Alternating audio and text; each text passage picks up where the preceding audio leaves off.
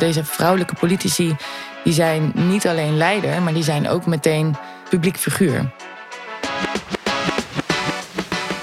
Welkom en leuk dat je luistert naar Lift Up, de podcast van Boertien Vergouwen Overduin, waarin ik, Aleid Erbrink, met verschillende experts uit het veld de verdieping opzoek op actuele en relevante thema's. Lift Up. Stap in de lift en ga mee de diepte in op het thema leiderschap en vrouwen. Dit doen we in gesprek met Julia Muller, programmamaker, redacteur en moderator, onder andere voor eh, Stem op een Vrouw. Fijn dat je er bent. Hi, leuk, vind ik ook. Julia, kan je kort toelichten wie je bent en uh, waar jij in jouw rol vooral mee bezighoudt? Zeker. Zoals je zei, werk ik voor Stem op een Vrouw. En eh, Stem op een Vrouw is een stichting die zich inzet voor de vertegenwoordiging van en het trekken naar en houden in uh, van vrouwen in de politiek. En binnen Stem op een Vrouw werken we met een, een, een team dat eigenlijk bestaat uit allemaal mensen die dat deels vrijwillig doen, op freelance basis. En allemaal een portie hebben van dat werk. En mijn portie houdt in dat ik aan de ene kant uh, af en toe woordvoering doe, zoals vandaag. En aan de andere kant coördineer ik iets dat heet de Alliantie Politica. De naam zegt het al, het gaat over vrouwen in de politiek. Mhm. En dat is een samenwerkingsverband dat we hebben samen met de Nederlandse Vrouwenraad en Women Equals Men, Nederlands genderplatform.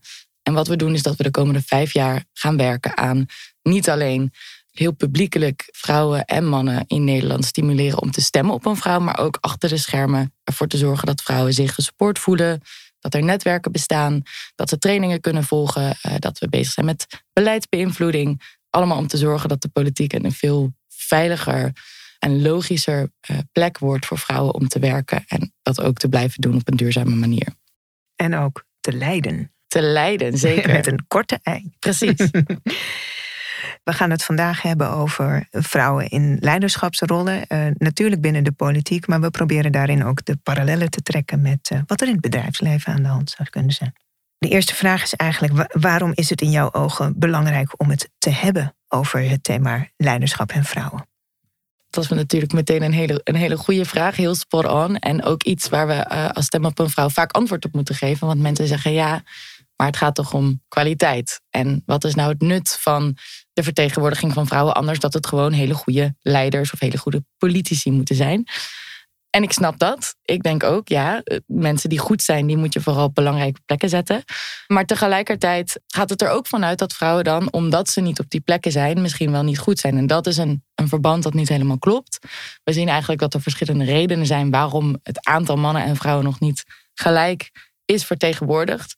En dat is problematisch, omdat zoals je zei, als vrouwen niet in die leiderschapsposities zitten, dan heeft dat een invloed niet alleen op die vrouwen zelf, op jonge meisjes en jonge vrouwen, maar op onze hele samenleving eigenlijk. En dat zie je terug in een aantal dingen. Je ziet namelijk als mensen zich, en dat gaat verder dan alleen maar vrouwen, je kunt het ook hebben over andere groepen die minder vertegenwoordigd zijn in politieke organen of op zichtbare posities, leiderschapsposities, mhm. dat hoe minder mensen zich vertegenwoordigd voelen, hoe groter de afstand eigenlijk wordt tot de politiek of tot hetgeen dat, dat die leiderschapspositie vertegenwoordigt. En dat ze zich dus ook distancieren. Dus het, het heeft een impact op het vertrouwen in de politiek. Dus hoe minder mensen zich vertegenwoordigd voelen, hoe minder ze ook geneigd zijn om naar de stembus te gaan. Mhm. Dat is een probleem voor onze democratie. Want een democratie werkt, zoals uh, je waarschijnlijk zult weten, werkt het beste als alle mensen die die democratie omvat, eraan meedoen. En meepraten over wat de beste keuzes zijn voor, voor de mensen in, het, in de gemeenschap, in het land dat we bewonen. Ja, en dat geldt natuurlijk voor ons land, maar dat geldt eigenlijk voor elke vorm van organiseren. Jouw organisatie richt zich op eh, het creëren van meer eh, gendergelijkheid in de politieke context. Er is eigenlijk best wel veel gebeurd op dat vlak, is mijn gevoel. En dan bedoel je denk ik de afgelopen jaren. Ja. ja. Stem op een vrouw als stichting bestaat nu zes jaar. In 2017 zijn we opgericht. En toen was het veld inderdaad echt heel anders. Het is echt, je kan het noemen een wereld van verschil. En we zijn dus vanaf het begin vooral heel zichtbaar geweest met uh, een campagne die ook Stem op een vrouw heet. En dat is een hele publieke campagne die hopelijk veel mensen inmiddels wel eens voorbij hebben zien komen de afgelopen jaren.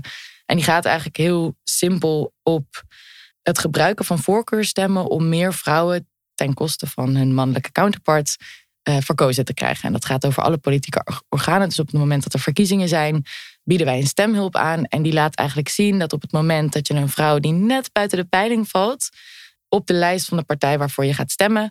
Dat je dan soms beter op die persoon, die vrouw, kunt stemmen. Omdat dan door middel van voorkeurstemmen diegene een plekje krijgt binnen de peiling. Dus op het moment dat die partij inderdaad het aantal zetels, het aantal plekken behaalt, dat is voorspeld.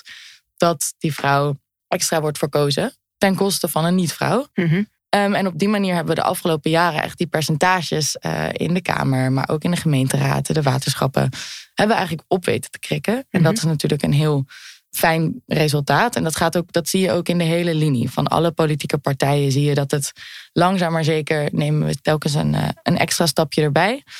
En wat je ook ziet de afgelopen jaren is dat het onderwerp politiek leiderschap onder vrouwen en, en het het meer verkiezen van vrouwen en het belang ook van die uh, evenredige vertegenwoordiging, dat dat dus ook veel breder wordt gedragen. Dus de vrouwen, uh, de politieke vrouwen die bij ons een plek vinden, dat gaat echt zo breed als van BBB en VVD tot aan Bijeen en GroenLinks.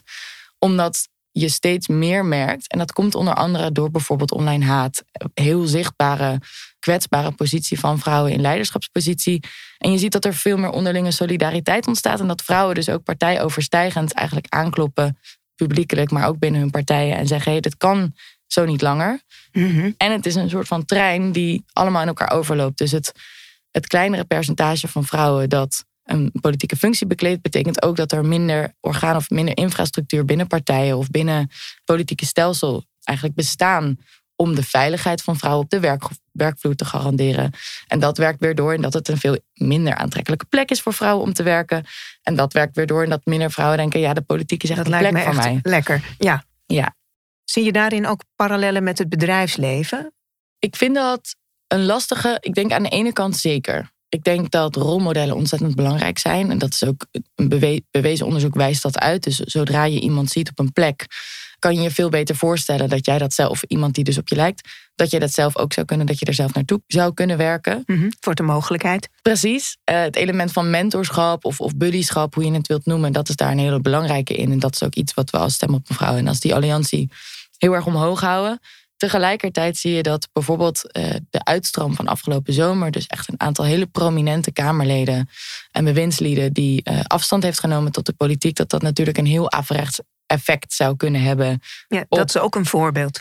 Dat is zeker een voorbeeld, maar ik weet niet of dat in het eh, bedrijfsleven even groot speelt, omdat het zo, zo Zichtbaar anders is in zichtbaarheid. Dus Ja, deze, vrouw, ja. deze vrouwelijke politici, die zijn niet alleen leider, maar die zijn ook meteen een publiek figuur. Ja. En daar zit natuurlijk zeker ehm, als je eh, eh, leider bent, vrouwelijk leider, op een heel prominente plek waarin je ook een woordvoeringsfunctie hebt, dan zullen er zeker parallellen zijn. Maar tegelijkertijd betekent dat politieke ook wel echt een, een andere dimensie voegt het toe. Hey, kijkend naar eh, eh, het leiderschap zelf. Hè? Je hoort nog wel eens spreken over mannelijke en eh, meer vrouwelijke leiderschapskwaliteiten. Hoe kijk jij daarnaar? Ja, het, ik vind het heel leuk dat je dit vraagt, omdat ehm, wat ook is veranderd de afgelopen jaren, is dat we natuurlijk heel anders zijn gaan kijken naar in hoeverre je überhaupt mannelijk of vrouwelijk kunt toeschrijven aan bepaalde kwaliteiten. Mhm. Maar dat even terzijde gelegd, zijn er inderdaad traditioneel gezien een aantal eh, kwaliteiten die we zien als typische leiderschapskwaliteiten die we toeschrijven aan voornamelijk mannen. En die zijn even in het heel kort geschetst, bijvoorbeeld resultaatgedrevenheid, macht, competitiviteit, competitiviteit en eh, dominantie. En dan zijn er ook een aantal kwaliteiten die we eh, traditioneel toeschrijven aan vrouwelijk leiderschap. En dat zijn bijvoorbeeld empathie, samenwerking, emotionele intelligentie en interpersoonlijke relaties. En wat eigenlijk is begonnen te kantelen de afgelopen jaren, is dat we steeds meer zijn gaan omarmen dat het juist die, en ik doe tussen aanhalingstekens, steeds meer die vrouwelijke eh, kwaliteiten zijn die heel goed werken. Dus je hebt dit gezien in, de, in het handelen van de coronacrisis, dat een aantal internationale leiders echt ja, een voorbeeldrol eigenlijk hebben genomen in de manier waarop ze die coronacrisis hebben aangepakt. En daarin kwamen er telkens de, de zorgzaamheid, eh, uitkijken voor elkaar, eh, gemeenschapszin en ook welzijn boven welvaart eh, steeds vaker bovendrijven. Dus het is een begin. Ik denk dat we er nog lang niet zijn. Ik denk dat dat ook echt een parallel is die je kunt trekken tussen het bedrijfsleven en de politiek. Dat we nog steeds heel erg een, stereotyp beeld hebben van wie een leider is. Maar we zijn wel stappen aan het zetten. En een interessant voorbeeld trouwens daar, daarvan is van hoe diep geworteld die, ehm, die stereotype beelden zitten van ons eh, als mensen. Is als je kinderen vraagt, en dat zijn kinderen zo jong als zes jaar, om een eh, politicus te tekenen, Mhm. of een politiek actief persoon, dan tekenen ze in 70% van de gevallen tekenen ze een man. Mhm. Ehm, en hier zie je dus ook hoe lang die lijn is en hoe vroeg je eigenlijk moet beginnen met dat idee van wat een leider is, wie een leider is, welke kwaliteiten je moet hebben als een leider of als politieke, politicus. Dat we dat echt op zo'n jonge leeftijd moeten gaan, eh, moeten gaan proberen om te vormen naar een veel kneedbare, kneedbaardere vorm. Een, een, heel ander, een heel ander silhouet van een leider. Eh, En ik, ik zou me kunnen voorstellen een veel diverser beeld. Absoluut, ja. De ene leider is de andere niet en dat is hartstikke oké. Ja, dat is juist heel fijn.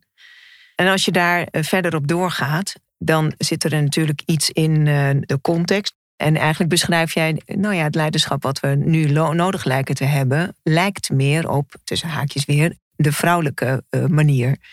Ja, en ik ga hier heel voorzichtig zijn, want ik spreek hier natuurlijk niet namens mezelf. Maar wat we zien in in ieder geval het Nederlandse eh, politieke spectrum op dit moment, is dat er een paar elementen zijn die echt politiek gezien overal terugkomen. En dat is eigenlijk armoede, eh, armoedebestrijding, de manier waarop we omgaan met migratie en de manier waarop we omgaan met eh, woningnood, dus eigenlijk huisvesting Mhm. klimaat natuurlijk ook.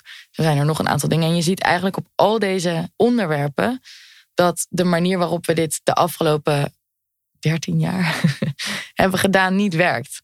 En dat alle partijen heel erg zoekende zijn naar een andere manier van deze onderwerpen te agenderen. En ook andere manieren om bondgenootschappen met een maatschappelijk middenveld, maar ook breder dan dat te zoeken. Omdat, dat is wat ik net noemde, langzaam maar zeker beginnen we ook in te zien dat het welvaartgedreven, eh, de- welvaartgedreven manier van een, een land leiden, dat het niet altijd ervoor zorgt dat er de beste uitkomsten worden gegarandeerd. Ja. En dat als je kijkt naar welzijn en dus ervoor zorgt dat de ouderenzorg goed op orde is, dat eh, jeugdzorg goed op orde is, dat alle mensen recht hebben op een dak boven hun hoofd, dat, dat die ook redelijk onvermijdelijk zijn. En op het moment dat je die geen aandacht geeft, dat het ondergesneeuwd raakt en dat het probleem dus alleen maar groter wordt. Dus als je kijkt nu naar de woningopgave, dan hebben we gewoon echt een hele grote kluif. En, en wie ook straks in de coalitie terechtkomt, die zal aan die kluif enorme- moeten beginnen. Ja. Eh, en daarin zie je dat het spreken met mensen, kijken waar de behoeftes liggen, eh, nieuwe vormen van samenwerking gewoon echt heel erg belangrijk gaan zijn. En op het moment dat je dat niet doet en alleen maar resultaatgedreven, machtsbelust en eh, op een dominante manier eh, gaat bezig, bezig gaat zijn met het, het vormgeven van een land, dat, ja, dat werkt gewoon niet. Je Nee. komt er dan niet. Nee, nee, dus het is echt wel een pleidooi voor een, eh, in ieder geval een eh, smaakwissel. Ja, En jij bent eh, in jouw leven op een aantal verschillende manieren echt eh, aangezet op het signaleren van ongelijkheid en het adresseren van onrecht. Daar heb je veel eh, in geleerd. Als mensen ervoor willen zorgen dat ze niet onbewust eh, genderongelijkheid of welke ongelijkheid dan ook in eh, leiderschapsrollen voeden, wat kan je ze dan eh, aanraden? ik ben er zelf heel erg ingerold van ook vanuit een soort van intrinsiek ding, zonder me ook meteen bewust te zijn dat dat, dat, dat per se bijvoorbeeld activisme was of, of op een andere manier iets was dat ik heel erg bewust deed als oké, dit, is, dit is waar ik naartoe aan het werken ben, maar het voelde gewoon alsof er dingen niet, niet, niet klopten en die wilde, ik, die wilde ik aankaarten en aanvechten. Maar ik denk wat daarin heel erg helpt, is dat je altijd nieuwsgierig blijft. Dus op het moment dat je collega's bent met iemand, en eh, laten we even een heel ehm blunt voorbeeld schetsen. Ik ben een man en ik heb een, een, een vrouwelijke collega. Vraag eens hoe het voor, voor haar is op de werkvloer. En of ze, of ze dingen heeft die, nou ja, misschien niet altijd zo werken voor haar als dat ze misschien voor jou wel werken. En dat kan echt zo klein zijn als bij het koffiezetapparaat. Eh, om even in cliché, clichébeelden te blijven schetsen. Ehm, maar wees nieuwsgierig en, en laat zien dat je open staat om te leren. En dat geldt echt voor iedereen. Ik zeg ook helemaal niet dat vrouwen dat altijd beter doen dan mannen. Want dat is absoluut niet waar. Maar ik denk dat we zeker in werkcontext, of dat nou is in de gangen van de gemeenteraad of eh, op de werkvloer eh, op de Zuidas, maar dat we heel erg het, ons oog voor de mensen die achter onze collega's zitten soms zijn verloren. Maar als we dat terugvinden eh, en echt ook met elkaar inchecken van hé, hey, hoe zit het eigenlijk? En hebben we, heb je, hebben we eigenlijk een klachtenprocedure? Dat, dat is misschien een tweede. Op het moment dat je ergens werkt en je denkt zelf, hé, hey, ik weet eigenlijk helemaal niet hoe het bij ons geregeld is op dat vlak, op bijvoorbeeld sociale veiligheid op de werkvloer. Vraag het eens. klop eens aan bij je leidinggevende en vraag: hey, wat is er eigenlijk als stel dat er iets met mij gebeurt en ik wil het daarover hebben met iemand, kan ik dan ergens terecht? Hoe gaat het dan in zijn werking en waarom weten we dit eigenlijk niet? Is het niet belangrijk dat we hier een keer een, een wat mij betreft mag het een groepsmail zijn uh, of, een, of een bijeenkomst een keertje, maar plant die zaadjes. Ja, mooi. Ja, en het maakt natuurlijk uit met welke bril kijk je naar de realiteit. Dus uh, als je ergens uh, op let, dan vallen je soms dingen op. Hè? Dus als je denkt dat alles gendergelijk is, uh, dan zie je andere dingen dan wanneer je uitgangssituatie is. Nou, het zou nog wel eens verschillend kunnen zijn. En laat ik daar ook eens naar kijken. Ja, en dat is, dat is dan misschien de tip of de, het bericht dat ik vrouwen zou willen meegeven. Je kan er niet van uitgaan dat mensen die dit zelf niet voelen, zelf niet meemaken, of de ongelijkheid gewoon niet zien, dat ze, dat, dat ze daar automatisch achter gaan komen. Dat zou heel erg mooi zijn, maar dat is een soort van utopisch paradijs. Dat is ook onmogelijk eigenlijk. Precies. Ja. Dus het heeft, het heeft ook te maken met het nemen van verantwoordelijkheid uh, namens jezelf, maar ook dus namens anderen. En dan komen we denk ik weer terug op die vertegenwoordiging, uh, die dus zowel in, in echt toplagen, maar ook in de toplagen van, laten we zeggen, onze samenleving, op het moment dat er geen mensen vertegenwoordigd zijn die bepaalde ervaringen vertegenwoordigen, dan kan er ook nooit beleid op worden gevoerd. Of dan kan er ook nooit iets worden ontworpen in de structuren die er bestaan binnen, binnen een bedrijf of binnen de, de, uh, de politiek. Om die ongelijkheid tegen te gaan. Dus je hebt wel mensen nodig die zeggen: hé, hey, volgens mij klopt het niet. Hier moeten we iets aan gaan doen. En die blik die heb je vaak pas als je kunt relateren aan hoe het voelt om bijvoorbeeld buitengesloten of gediscrimineerd te worden. En dat is een heel, het klinkt heel somber, maar op het moment dat er dus overal gewoon mensen zitten met allerlei verschillende ervaringen, en dat gaat veel verder dan alleen maar mannen versus vrouwen, dat, dat gaat gewoon echt over de volledige breedte, dan kunnen we een land creëren en organiseren en, en ontwerpen waarin voor iedereen een plek is. En dit dit is echt, nou, ik hoop dat het niet zo ver de toekomst in ligt, maar ik gok dat we hier nog wel een aantal jaar mee bezig zijn. Maar dan, dan kan je dus echt een, een samenleving ontwerpen uh, waarvoor het voor iedereen een veilig en prettig wonen is. Dat lijkt mij iets heel belangrijks waar we met z'n allen aan willen werken. Heer, heer. nou, we zijn uh, daarmee gekomen aan het einde van deze podcast. Uh, houd je vast, want we hebben nog de laatste ronde te gaan. en daarin tikken we snel een aantal extra verdiepingen aan, zonder dat we daar uitstappen. Dus in de hoogste versnelling graag steeds jouw korte reactie. Spannend. Wat levert de grootste sprong op? Vooruit, diplomatie of activisme? Oeh, alle twee. als je moet kiezen? Als ik moet kiezen, toch activisme. Ik, ik denk dat het, het meer radicale hebben we nou eenmaal nodig om, om, de, om de middenweg, om het meer gematigde pad te kunnen bewandelen. Zijn er altijd een paar gekkies nodig die vooruitlopen en die we dan collectief kunnen, kunnen verguizen. Of, of waarvan we collectief kunnen zeggen, nou, dat is, die hebben echt een gek idee. Om vervolgens dan iemand die zegt: Nou, hoe zou het eigenlijk zijn als we 50-50 vertegenwoordiging zouden doen? Dat iedereen zegt: Wauw, fantastisch, wat een goed plan. wat is de meest impactvolle interventie waar je ooit aan hebt bijgedragen? Ja, misschien mocht er straks uitkomen dat een uh, partij met een vrouwelijke leider uh, heeft gewonnen, dan zie ik dat toch wel echt als een hele grote verdienste van het werk wat wij en wat ik dus ook de afgelopen jaren hebben gedaan. Dan hebben we gewoon de eerste vrouwelijke minister-president daar kun je van alles over zeggen, maar dat is wel echt een hele grote leap forward.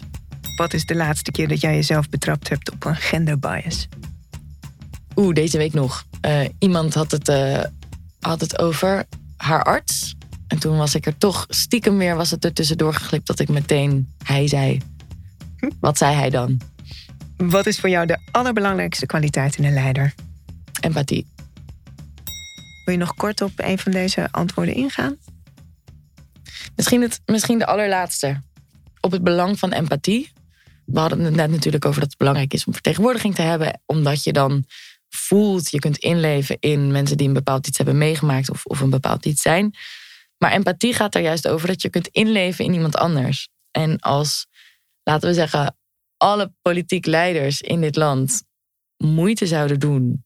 En laten we zeggen, alle leiders in dit land, iedereen die een leiderschapspositie heeft, moeite zou doen, zich zou inleven en inlezen in degene die ze vertegenwoordigen of die ze begeleiden, leiden, dan zou leiderschap er echt wezenlijk anders uit gaan zien. En het is denk ik een makkelijkere stap om te maken dan veel van de cijfers recht trekken. Daar zijn we echt nog lang mee bezig. Maar empathie hebben, daar kan iedereen morgen mee beginnen.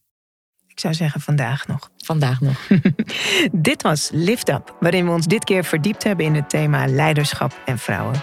Julia Muller, hartstikke bedankt dat je voor ons tipje van de sluier hebt opgelicht in dit speelveld. Wil jij als mens, of eh, van wat voor gender dan ook, jouw kennis en vaardigheden op het gebied van leiderschap op een nog hoger plan brengen? Bekijk dan eens het aanbod op de website. Bij Boetien Gouwe Overduin helpen we je graag verder. Bedankt voor het luisteren. Lift Up